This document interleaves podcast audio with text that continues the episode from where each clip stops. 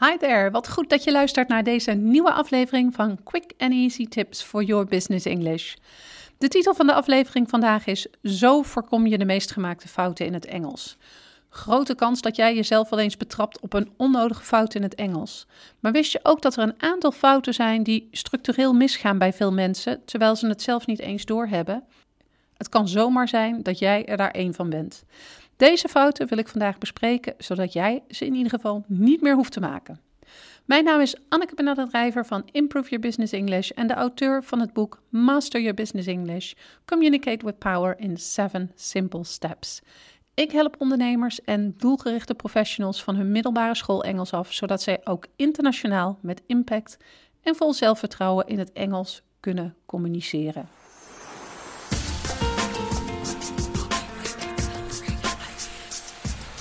Iedereen heeft zo zijn sterke en zwakke punten als het gaat om leren, vooral als het gaat om het leren van een taal.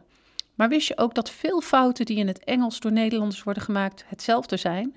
Dit komt omdat wij door een Nederlandse bril naar de Engelse taal kijken en soms onbewust Nederlandse taalregels toepassen op de Engelse taal. En hierdoor vallen de fouten die Nederlanders maken vaak binnen hetzelfde gebied. Wat het mooie is aan fouten, is dat je fouten kunt verbeteren op het moment dat jij je ervan bewust bent. Daarom is deze podcast erop gericht om je bewust te maken van zulke fouten. Ik laat je vandaag vijf van de meest gemaakte fouten in het Engels horen. Elk van deze fouten komt door de verkeerde toepassing van een taalregel. En een taalregel waarvan een grote kans is dat je die vroeger ook hebt geleerd, maar die ja, vergeten bent intussen. In deze podcast kun je er dus achterkomen of één, jij je misschien ook wel schuldig maakt aan een van deze meest gemaakte fouten. En twee, hoe goed je hersens de taalregels hebben opgeslagen. Ik ben benieuwd. Fout 1. De Engelse vorm van het lidwoord een is een eerste veelgemaakte fout. Dit lidwoord heeft in het Engels namelijk twee vormen. De eerste vorm is a, zoals in a house. En de tweede vorm is an, zoals in an appel. Wat is nu het probleem? Veel mensen gebruiken maar één van deze twee vormen of gebruiken deze vormen door elkaar heen. Toch zitten er duidelijke regels aan verbonden en als je deze regels kent, dan klinkt het heel vreemd als iemand ze verkeerd gebruikt. Dat zou klinken als iemand die in het Nederlands spreekt over het keuken, de glas of het boom. Je weet al wat er bedoeld wordt, maar het klinkt heel raar omdat het niet correct is. De regels voor a en an in het Engels zijn als volgt. Je gebruikt a voor een woord dat in de uitspraak met een medeklinker begint, zoals a book, maar ook zoals in a university. Dat geschreven wel met een klinker begint, maar in de uitspraak met de j, university. An gebruik je daarentegen voor een woord dat in de uitspraak begint met een klinker, zoals an orange. Maar ook een hour, dat geschreven wel met de medeklinker H begint, maar in de uitspraak hour met een klinker. En deze regel is makkelijk te onthouden. Nu je hem weer gehoord hebt, vergeet je hem waarschijnlijk niet snel. Fout 2. Please zeggen op het verkeerde moment is een tweede veelgemaakte fout in het Engels, maar is ook helemaal niet raar als je hoort hoe het zit. Het Nederlandse alsjeblieft is namelijk een cruciaal woord in onze taal. Als het gaat om manieren, maar ook in alledaagse communicatie. Als je bijvoorbeeld geld aan de cashier geeft om je boodschappen af te rekenen, zeg je meestal alsjeblieft. Maar in het Engels gebeurt het niet. De Engelsen gebruiken het woord alsjeblieft dus niet zoals wij dat doen. Vandaar dat ze ook raar zullen opkijken als jij please zegt bij het overhandelen van geld. Als je toch een vorm van alsjeblieft wilt zeggen op het moment dat je iemand iets geeft, gebruik je in plaats daarvan uh, here you are of there you go. En ook, maar ook dit wordt niet altijd door de Engelsen zelf gebruikt, maar het is in ieder geval wel correct. Fout 3. Voor de derde veelgemaakte fout wil ik je laten horen hoe deze fout in het Nederlands zou klinken. Hiervoor gebruik ik twee voorbeeldzinnen. Probeer de fout te spotten. Mijn collega luister op maandag regelmatig naar de nieuwe podcast.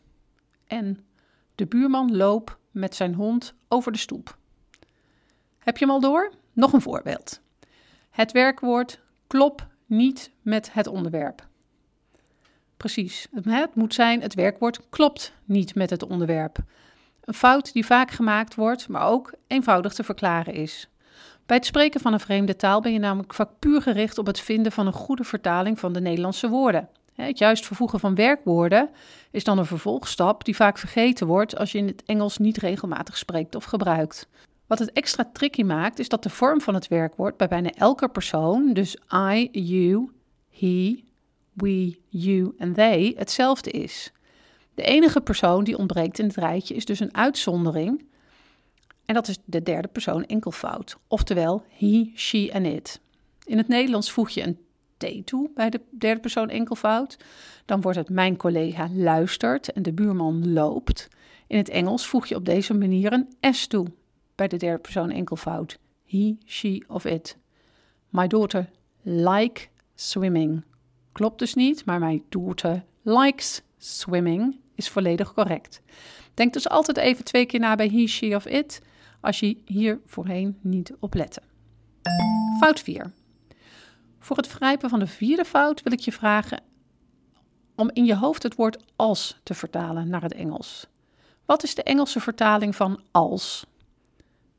Wat kwam er bij jou uit? If? Dat klopt helemaal.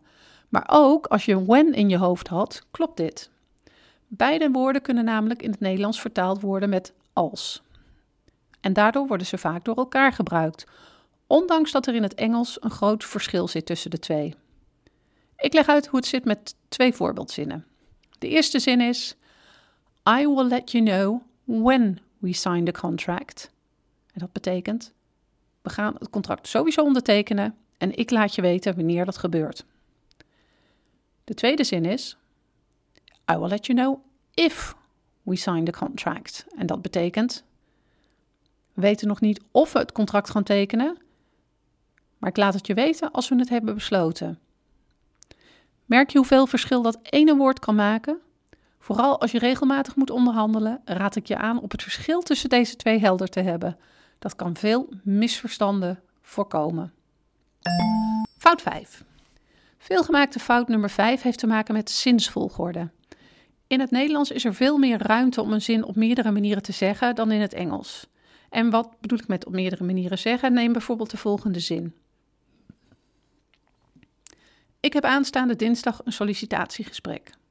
Dit kan ook gezegd worden als: Aanstaande dinsdag heb ik een sollicitatiegesprek. Of ik heb een sollicitatiegesprek aanstaande dinsdag. In het Engels werkt dit anders. Een tijdsaanduiding kan bijvoorbeeld maar op twee plekken in de zin staan: helemaal vooraan of helemaal achteraan. En wat er vaak fout gaat bij het maken van een Engelse zinnen, is dat de tijdsaanduiding ergens midden in de zin wordt gezet. In het Engels vertaal je die zin die ik zojuist gebruikte als voorbeeld, dus als Next Tuesday I have a job interview or I have a job interview next Tuesday. Maar zeker niet als I have next Tuesday a job interview. Nou, dit waren ze, de vijf taalregels die vaak fout gaan, maar die je makkelijk kunt voorkomen. Ik zet ze nog een keer voor je op een rijtje. 1.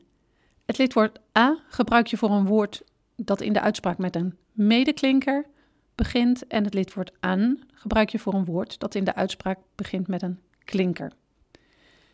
In het Engels zeg je geen please als je iemand iets geeft of aanbiedt. Als je toch iets wilt zeggen, kun je bijvoorbeeld here you are zeggen. Bij de derde persoon enkelvoud, hij, zij of het, he, she of it, vervoeg je het werkwoord in de tegenwoordige tijd door er een s aan toe te voegen. Er zit een verschil tussen if en when, waarbij je if gebruikt als je nog niet zeker weet of iets gaat gebeuren en when als je het wel zeker weet. In het Engels kan een tijdsaanduiding alleen maar voor of achterin een zin staan. Het is altijd goed om je basiskennis van de Engelse taal onder handen te nemen. Dacht jij nu meerdere keren, oh ja, toen je naar deze podcast luisterde? Misschien is het dan een idee voor je om het boek Master Your Business English aan te schaffen. Dit boek helpt je langs de basisregels van de Engelse taal en heb ik speciaal geschreven voor professionals. De link naar het boek vind je in de beschrijving. Maar vergeet je vooral niet te abonneren om zo een melding te krijgen van de volgende keer dat er weer een podcast voor je klaar staat. En de volgende keer gaat het over alles wat je moet weten als het gaat om zaken doen met de Britten. See you next time met quick and easy tips for your business English.